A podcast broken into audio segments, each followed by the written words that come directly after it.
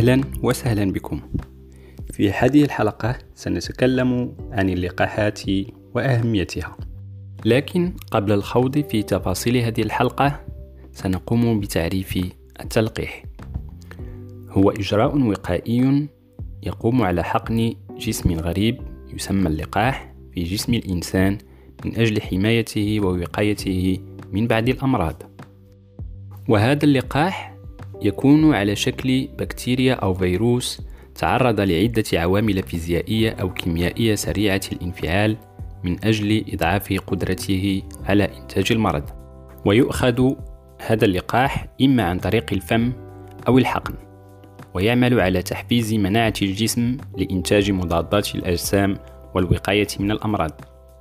لذلك فهو إجراء أساسي ووسيلة وقائية تحمي الجسم من التعرض لمجموعة من الأمراض الخطيرة والمميتة والتي يعتبر علاجها صعبا أو مكلفا. وبالتالي فإنه يضمن لنا حماية فردية أي وقاية الفرد من المرض الملقح من أجله كما يوفر أيضا حماية جماعية وذلك عبر مكافحة انتقال هذه الأمراض للوسط الذي يعيش فيه الشخص المريض كالعائلة والمدرسة والأصدقاء وغيرهم. إضافة إلى مكافحة انتشار خطر الأوبئة فتلقيح أكبر عدد ممكن من أفراد المجتمع يضمن لنا الحد من انتقال الأمراض. وللحصول على نجاعة أكبر يجب تعزيز وتقوية الجهاز المناعي منذ الطفولة المبكرة من خلال إعطاء عدد من الجرعات في مواعيد محددة حسب التوصيات المشار إليها في الجدول الوطني للتلقيح لكل بلد. لهذا فمن الضروري تقديم الدفتر الصحي للطفل من أجل معرفة اللقاحات التي استفاد منها وتفادي تكرار العلاجات التي خضع لها وأيضا إعطاء المواعيد القادمة هنا سنتطرق لبعض الأسئلة المهمة بخصوص هذا الموضوع أولا ما أهمية اللقاحات؟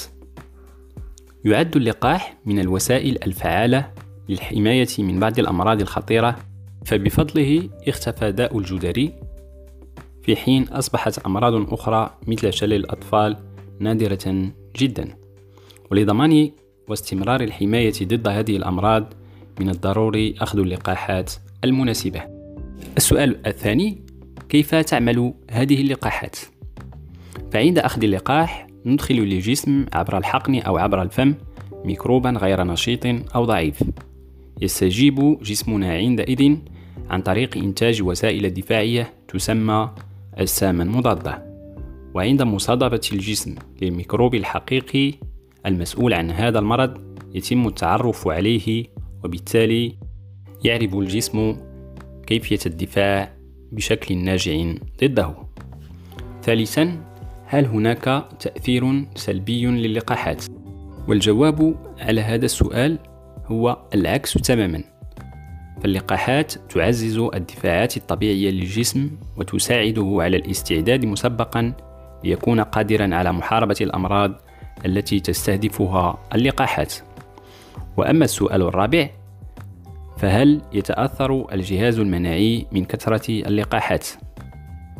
والجواب يكون بالنفي فجهازنا المناعي قادر على مواجهة العديد من الهجمات في وقت واحد فوظيفته الرئيسية هي مواجهة كم من هائل من الميكروبات وأخذ اللقاح لا يقلل من قوة أو قدرات الجهاز المناعي خامسا هل يمكن أخذ العديد من اللقاحات في نفس الوقت؟ وجوابا فهذا ممكن وعلى العكس فبعض اللقاحات تكون أكثر فعالية عندما تؤخذ في آن واحد. سادسا ما هي اللقاحات الأساسية؟